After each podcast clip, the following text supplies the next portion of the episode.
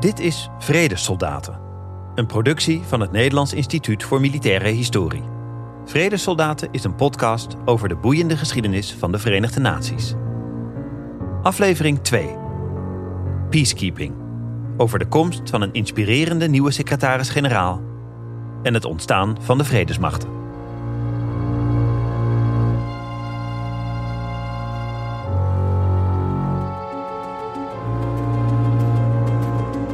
Toen de wittebroodsjaren van de Verenigde Naties afliepen, krabden de meeste lidstaten zich eens achter de oren.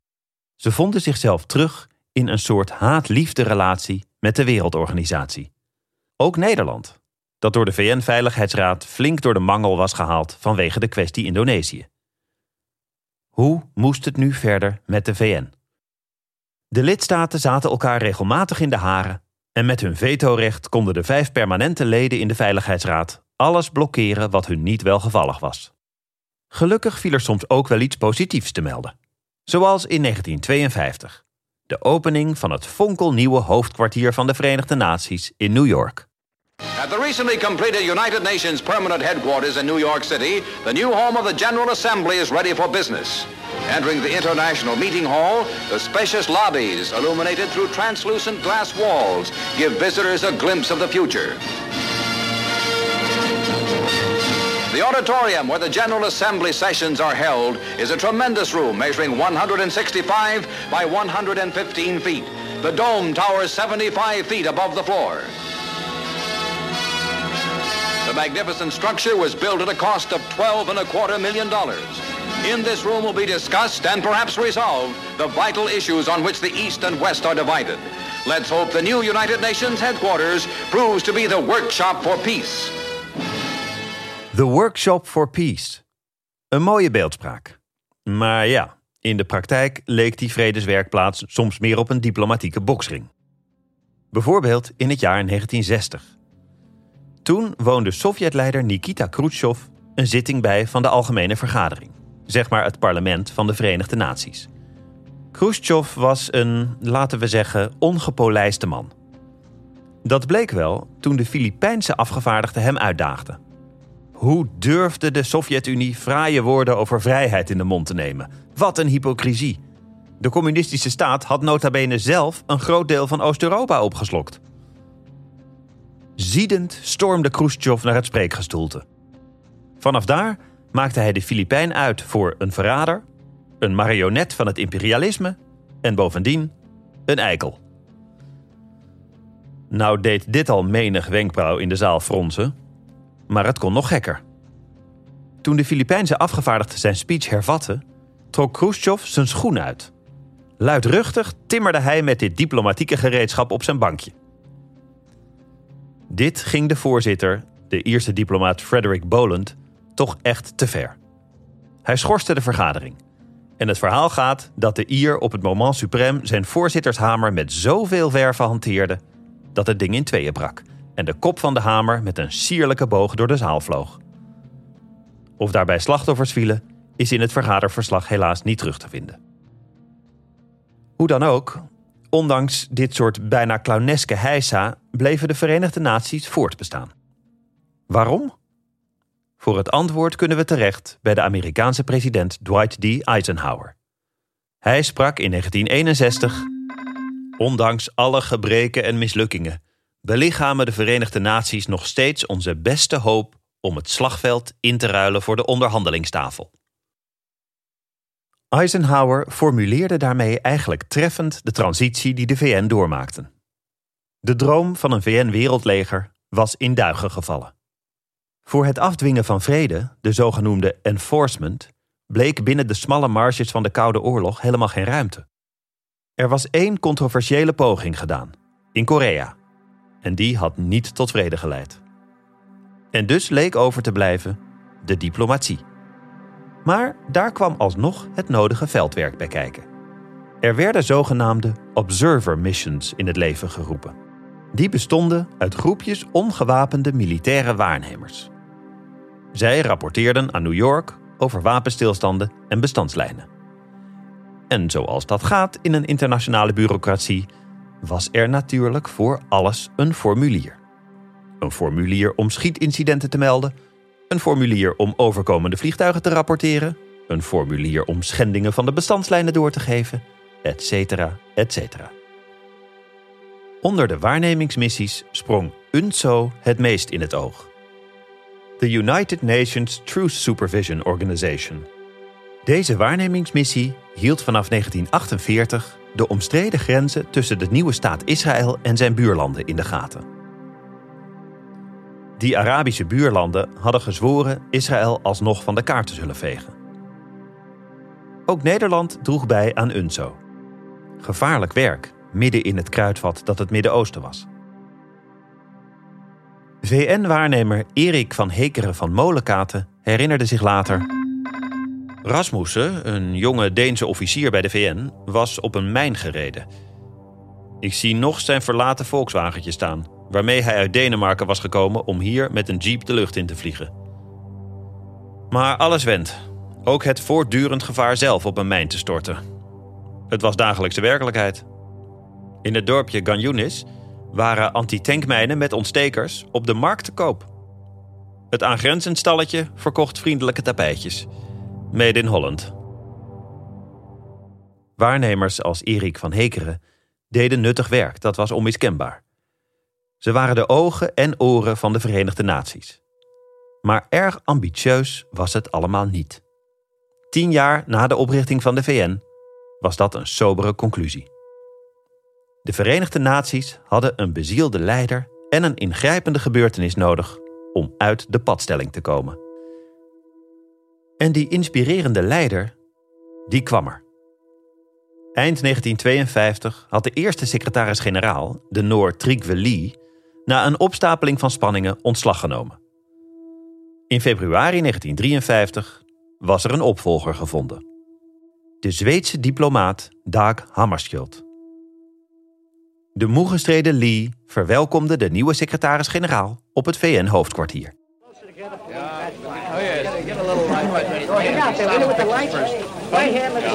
Are you all ready?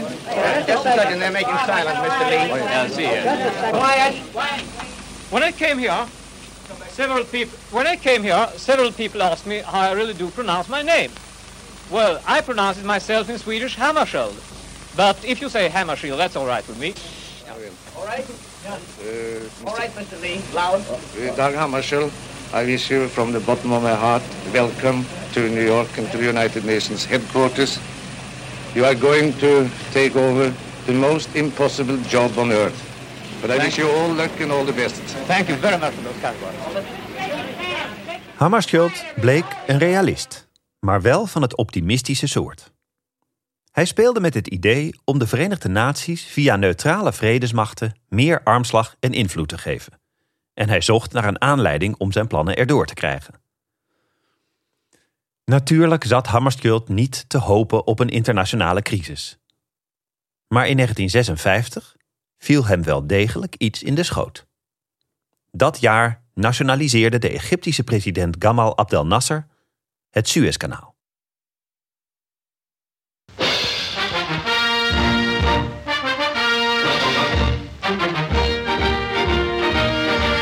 Arriving in the Egyptian capital from Alexandria, where he proclaimed his seizure of the Suez Canal Company, President Nasser finds Cairo's population in a veritable nationalistic frenzy. An acclaiming multitude which escorts him like a hero to the presidential palace, where he delivers another fiery speech in answer to opposition to his provocative action. Action which brings U.S. Secretary of State Dulles flying to London where the English wait in the rain to see another momentous conference get underway at 10 Downing Street. It's a three-power meeting with France the third party, and the talks tend to favor international rule for the canal, with a bid to Russia to take a part. Op hoge toon eisten Groot-Brittannië en Frankrijk dat het kanaal, een levensader voor Europa, weer terugkwam in westerse handen. In het geheim benaderden de Britten en Fransen zelfs Israël voor een gezamenlijke aanval op Egypte. In deze zomer van 1956 voelde VN-waarnemer van Hekeren de spanning stijgen langs de bestandslijnen tussen Israël en Egypte. Het politieke windje steekt hier wel wat op, vanwege het Suezkanaal. Een wespennest. Alsof het al niet werk genoeg is om de jongens zonder meer van elkaar te houden. Enfin, jarenlang voorspelt men al dat het misgaat. En nog steeds gaat het. Maar het is niet best. Nee, het was inderdaad niet best. En het kon nog slechter. Eind oktober 1956 openden de Israëliërs hun aanval richting het Suezkanaal. Even later landden ook Franse en Britse troepen. Maar de Verenigde Staten en de Sovjet-Unie waren des duivels. De Amerikanen voelden zich voor het blok gezet door zoveel ouderwets Europees koloniaal gedrag. En Moskou dreigde zelfs met militair ingrijpen. In de Verenigde Naties buitelden de lidstaten over elkaar heen om de Fransen en Britten te veroordelen. De gerespecteerde VN-diplomaat Brian Urquhart sabelde de Frans-Britse invasie in Egypte keihard neer. Vanaf het begin een fiasco. Ontsproten aan woede en bedrog. Een staaltje dwaze plannenmakerij en besluiteloze uitvoering. Een gedoemde, leugenachtige en verachtelijke dwaling van de Britse en Franse regeringen. Daar zat wat je noemt geen woord Frans bij. En toen het woestijnstof neerdwarrelde, bleek Egypte de overwinnaar. Niet militair misschien, maar wel politiek. Eind 1956 hadden de Fransen, Britten en Israëliërs geen andere keus dan hun troepen terug te trekken.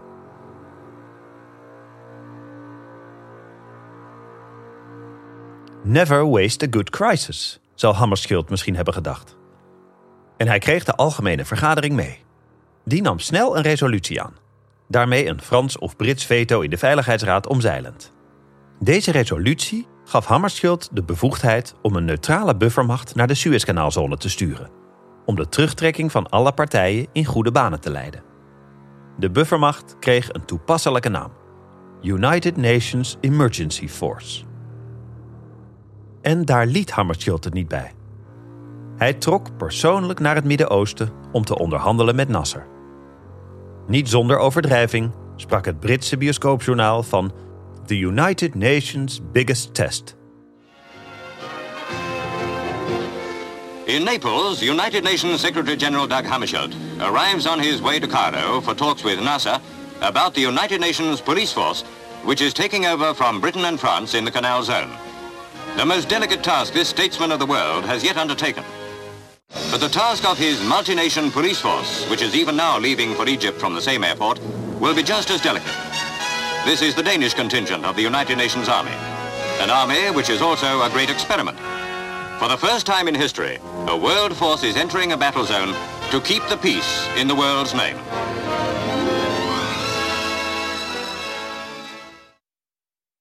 Een groot experiment, dat was de United Nations Emergency Force inderdaad. Eigenlijk was het de eerste keer dat een World Force als een soort politieagent de vrede handhaafde. Het doel was vooral tijd winnen, om vervolgens een diplomatieke uitweg te vinden. Met de staart tussen de benen dropen de Fransen en Britten af. We staan voor de hele wereld voor gek, bromde een Britse militair. Niettemin probeerde de Britse pers aan deze afgang nog een positieve spin te geven. Dat die emergency force er kwam en dat de Verenigde Naties waren versterkt, dat kwam toch echt door het verdienstelijke werk van de Britse troepen. As they sail from portside, many will be asking the question, if they had not gone there in the first place, would the United Nations Emergency Force ever have come into being?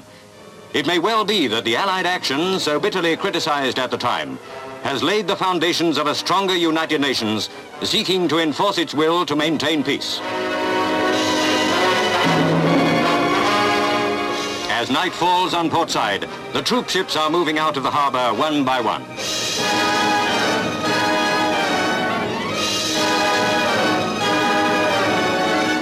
General Stockwell himself is one of the last to leave.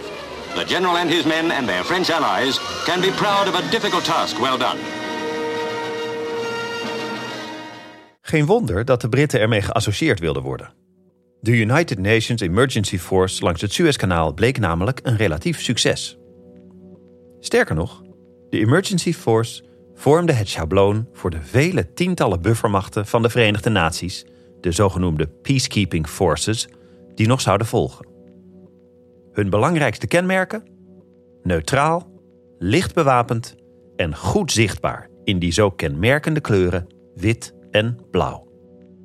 Al snel kwam de term Blue Helmets in zwang. Eind 1956 boog de Amerikaanse VN-diplomaat Ralph Bunch zich over de herkenbaarheid van de Emergency Force en van komende vredesmachten. In aanvulling op de VN-armbanden en schouderemblemen gaan we een flinke voorraad binnenhelmen aanschaffen. Die worden in VN-blauw geschilderd.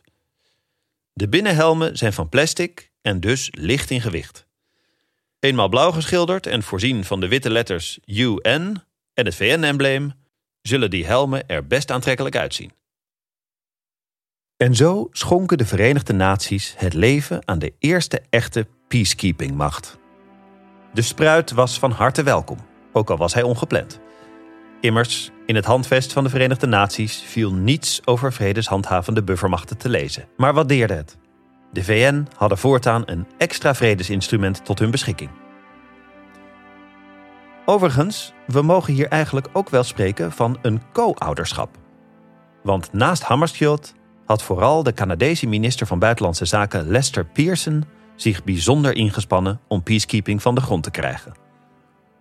Voor die inspanningen ontving Pearson in 1957 de Nobelprijs voor de Vrede. Ere wie ere toekomt.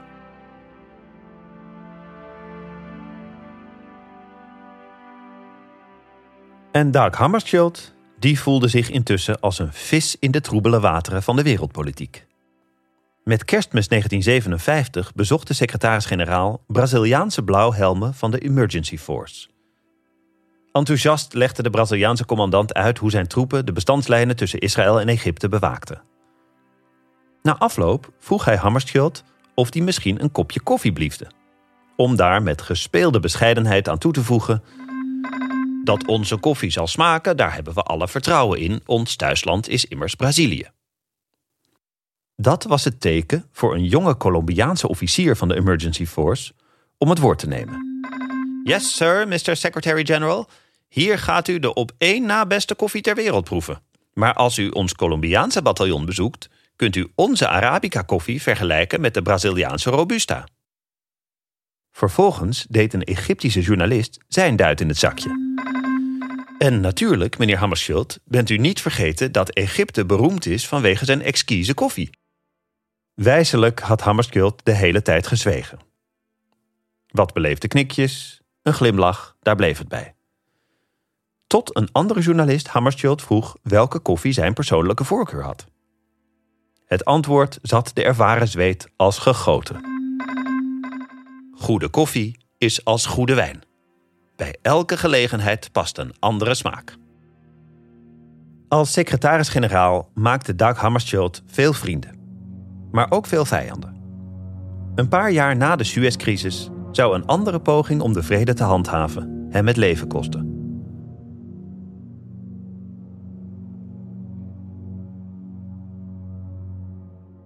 In 1960 verklaarde België zijn kolonie Congo onafhankelijk. Wat volgde was een ingewikkelde en bloedige burgeroorlog. De Verenigde Naties stuurden een vredesmacht die herhaaldelijk moest vechten. Niet voor niets stond dit ingrijpen ook wel bekend als de Blue Helmets First War. In such an atmosphere, Britain's General Alexander and his United Nations detachment have a difficult enough job. But everyone welcomes them and waits anxiously for more to arrive. The Belgian units are leaving as fast as the United Nations troops come in, taking with them memories they will not forget in a hurry of the fellow countrymen they came to protect, who are still streaming out of the Congo with little more than their lives. Whether the blame lies with African recklessness or with Belgian folly or both, the sooner the United Nations is in control, the better for the Congo and the world. Op 18 september 1961, kort na middernacht, stortte in het noorden van het huidige Zambia een DC-6 passagiersvliegtuig neer. Aan boord Dag Hammarskjöld. Onderweg naar onderhandelingen over een staakt het vuren in Congo. Met hem 14 VN-stafleden en natuurlijk de bemanning. Er waren geen overlevenden. Officieel onderzoek wees naar de piloot, die een foute inschatting zou hebben gemaakt. Maar al vanaf het begin deden allerlei geruchten de ronde. Met zijn vredespogingen in Congo had Hammarskjöld verschillende westerse landen op stang gejaagd. De economische belangen waren aanzienlijk. Was zijn vliegtuig misschien neergehaald door huurlingen? In opdracht van de Verenigde Staten, Groot-Brittannië of België? Tot op de dag van vandaag is Hammarskjölds dood een raadsel. In 2017 lieten de Verenigde Naties zelfs nog een nieuw onderzoek uitvoeren. Maar ook dat gaf geen uitsluitsel. Hoe sommigen ook over Hammarskjöld dachten, hij was en bleef een tot de verbeelding sprekende secretaris-generaal. He walked with the peacemakers who came to the World Forum, and he lived and worked by the letter of the Charter of the United Nations. No peace mission was too difficult or too hazardous. He worked long hours, patient and tireless, a world diplomat of the atomic age with the assignment of soldier of peace.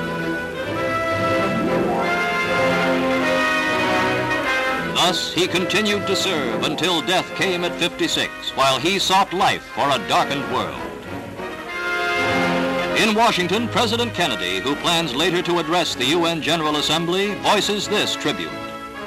I know that I'm speaking for all of my fellow Americans, expressing our deep sense of shock and loss in the untimely death of the Secretary General of the United Nations, Mr. Dag Hammarskjöld. Dag Hammarskjöld's cause, dedication to the cause of peace, his untiring labors to achieve it, his courage under attack, his willingness to accept all responsibility in trying to strengthen the United Nations and make it a more effective instrument for the aspirations of the hundreds of millions of people around the globe who desire to live out their lives, those efforts of his are well known. Eind 1961 werd ook aan Dag Hammarskjöld de Nobelprijs voor de Vrede uitgereikt. Zij het postuum. Hij is daarmee de enige die de prijs na zijn dood heeft gekregen. Was er binnen Hammarskjöld's peacekeeping forces eigenlijk een rol weggelegd voor Nederland? Welnu, een van de concrete erfenissen van Hammarskjöld was het concept van de zogenaamde United Nations Standby Forces. Zoals gezegd had de Suez-crisis het idee voor neutrale buffermachten op de kaart gezet. Hierop voortbordurend had Hammarskjöld verschillende VN-lidstaten benaderd.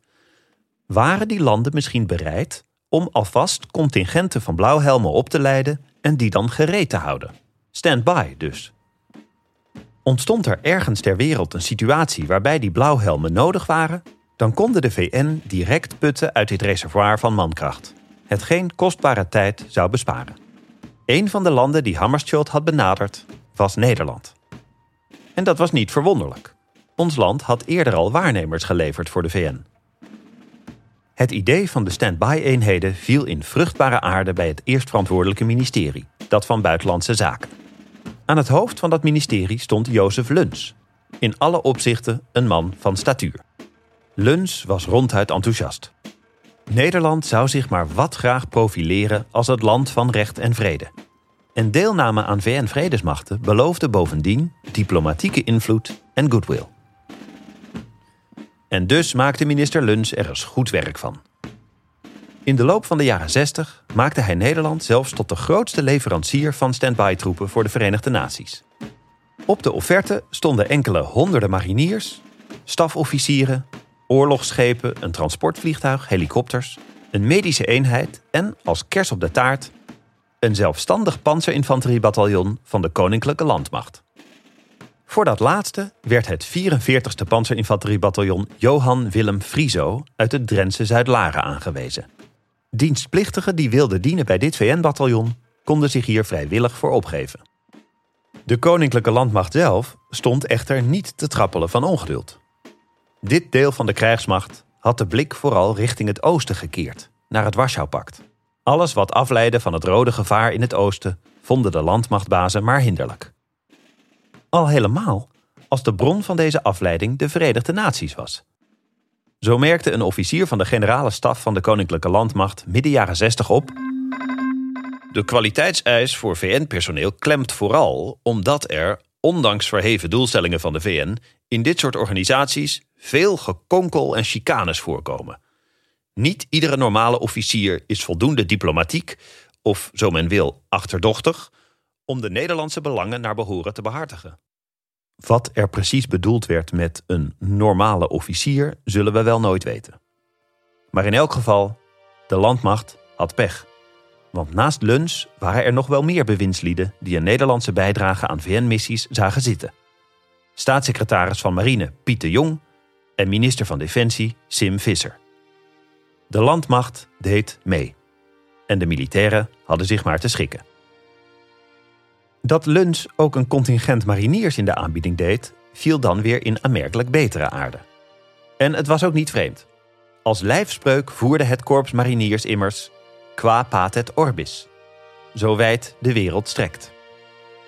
Bovendien zaten de mariniers eigenlijk te springen om een nieuwe taak. Begin jaren 60 viel er namelijk een belangrijke taak van het korps mariniers weg. Toen Nederland de kolonie Nieuw-Guinea verloor. In 1949 had westelijk Nieuw-Guinea geen deel uitgemaakt van de soevereiniteitsoverdracht aan Indonesië. En dus was het deel van Nederland gebleven. Maar dat wenste Indonesië niet te accepteren. Rond 1960 dreigde zelfs een nieuwe militaire confrontatie met Nederland. Indonesische infiltranten trokken het gebied in. Nederland stuurde extra troepen. Een van hen was dienstplichtig soldaat Jan van den Boogaard. Nieuw-Guinea was voor ons nog erger dan in het voorlichtingsboekje stond. De tropische hitte, de muskieten, de luchtvochtigheid. Maar hartverwarmend waren de contacten met de bevolking, de Papua's. Ze waren vriendelijk, beschouwden ons niet als overheersers en hielpen ons als ze konden. Als de schemering inviel, hoorde je allerlei geluiden in het oerwoud. Geluiden van vogels, van insecten, van nachtdieren. Een kokosnoot die op een leeg benzinevat viel. Geluiden van een mogelijk aanwezige vijand? Een collega schoot uit pure spanning zijn hele magazijn leeg op een onzichtbare vijand.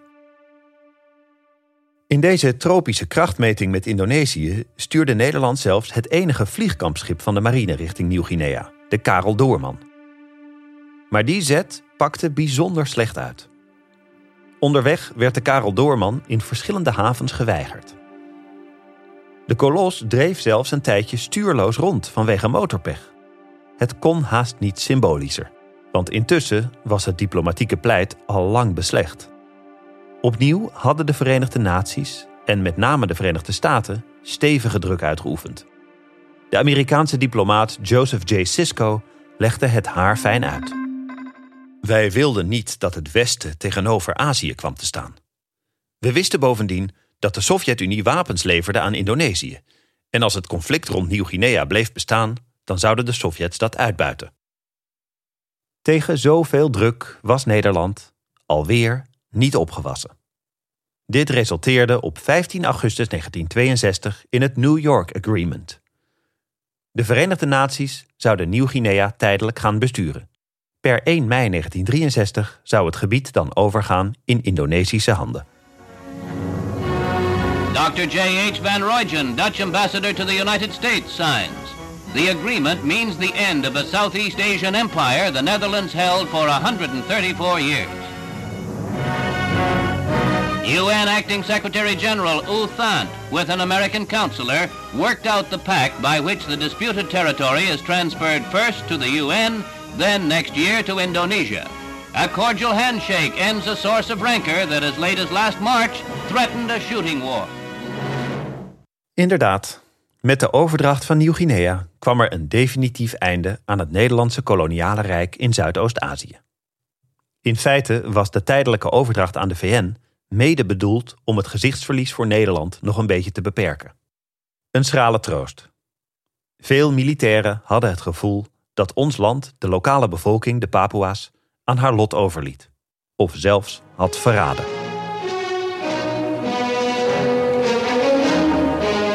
Tijdens een korte bijeenkomst in het gebouw van de Nieuw-Guinea-raad in Hollandia heeft gouverneur Plateel afscheid genomen. De scheidende Nederlandse bewindhebber richtte zich in het bijzonder tot de Papua's, die hij op het hart bond vooruit te zien en niet na te kaarten over het verleden. Hij riep hen voorts op steun te geven aan het bewind van de Verenigde Naties.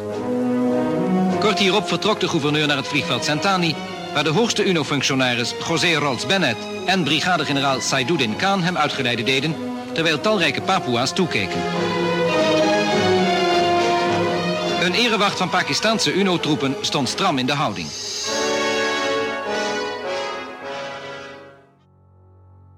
Hoe stram de Pakistaanse VN-militairen ook in de houding stonden. Iets droevigs straalde het hele tafereel toch ook wel uit. Natuurlijk, het was onvermijdelijk geweest. Rond 1960 waren er nauwelijks meer koloniale rijken over.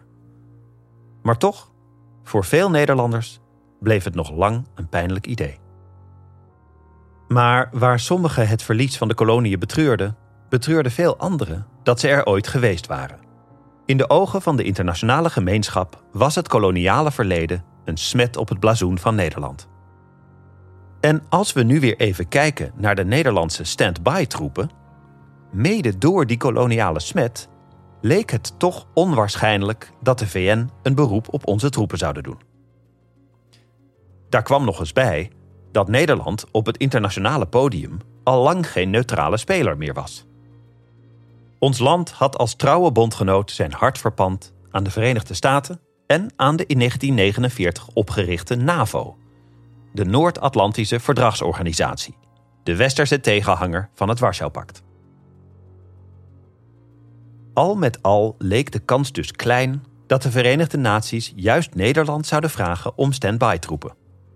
In de jaren 70 raakte Luns paradepaardje zelfs een beetje in de vergetelheid. Maar zeg nooit nooit. Al helemaal niet bij de Verenigde Naties. In december 1978 klopte het VN-secretariaat alsnog aan in Den Haag. Had Nederland misschien zin om deel te nemen aan een grote VN-missie in Zuid-Libanon? Het ging om een buffermacht bedoeld om Israël en Palestijnse strijders uit elkaar te houden. De United Nations Interim Force in Lebanon. Vanzelfsprekend zag het ministerie van Buitenlandse Zaken volop kansen. En ook vanzelfsprekend, het ministerie van Defensie zag vooral problemen. Maar we gingen naar Libanon. In de volgende aflevering leren we hoe het ons daar verging. Waren onze aspirant blauwhelmen, grotendeels dienstplichtigen, eigenlijk wel geschikt om af te reizen naar het onrustige Midden-Oosten? Of zoals een krant het omschreef, recht van moeders pappot naar de gruwelen van de oorlog. In Libanon maakten de Nederlanders kennis met Palestijnse strijders, het Israëlische leger en de eigenzinnige majoor Haddad. Zou het lukken om de neutraliteit te bewaren? Uit naar Libanon als vredesmacht. Wie had dat nou gedacht? Vredessoldaten is een podcast van het Nederlands Instituut voor Militaire Historie, geproduceerd door Dag en Nacht Media. De serie komt tot stand met steun van het DOSCO Ontwikkelfonds en wordt gemaakt door de volgende mensen. Research Marco Middelwijk. Projectleider NIMH Lianne van den Doel. Tekst Christ Klep. Productie en editing Anne Janssens en Cezanne Moeilijker. Audiovormgeving Studio Cloak. Mijn naam is David Lucier. Tot volgende maand. Dat nou gedacht? Met zonneolie en kanon gaan wij naar Libanon. Mijn liefste huis,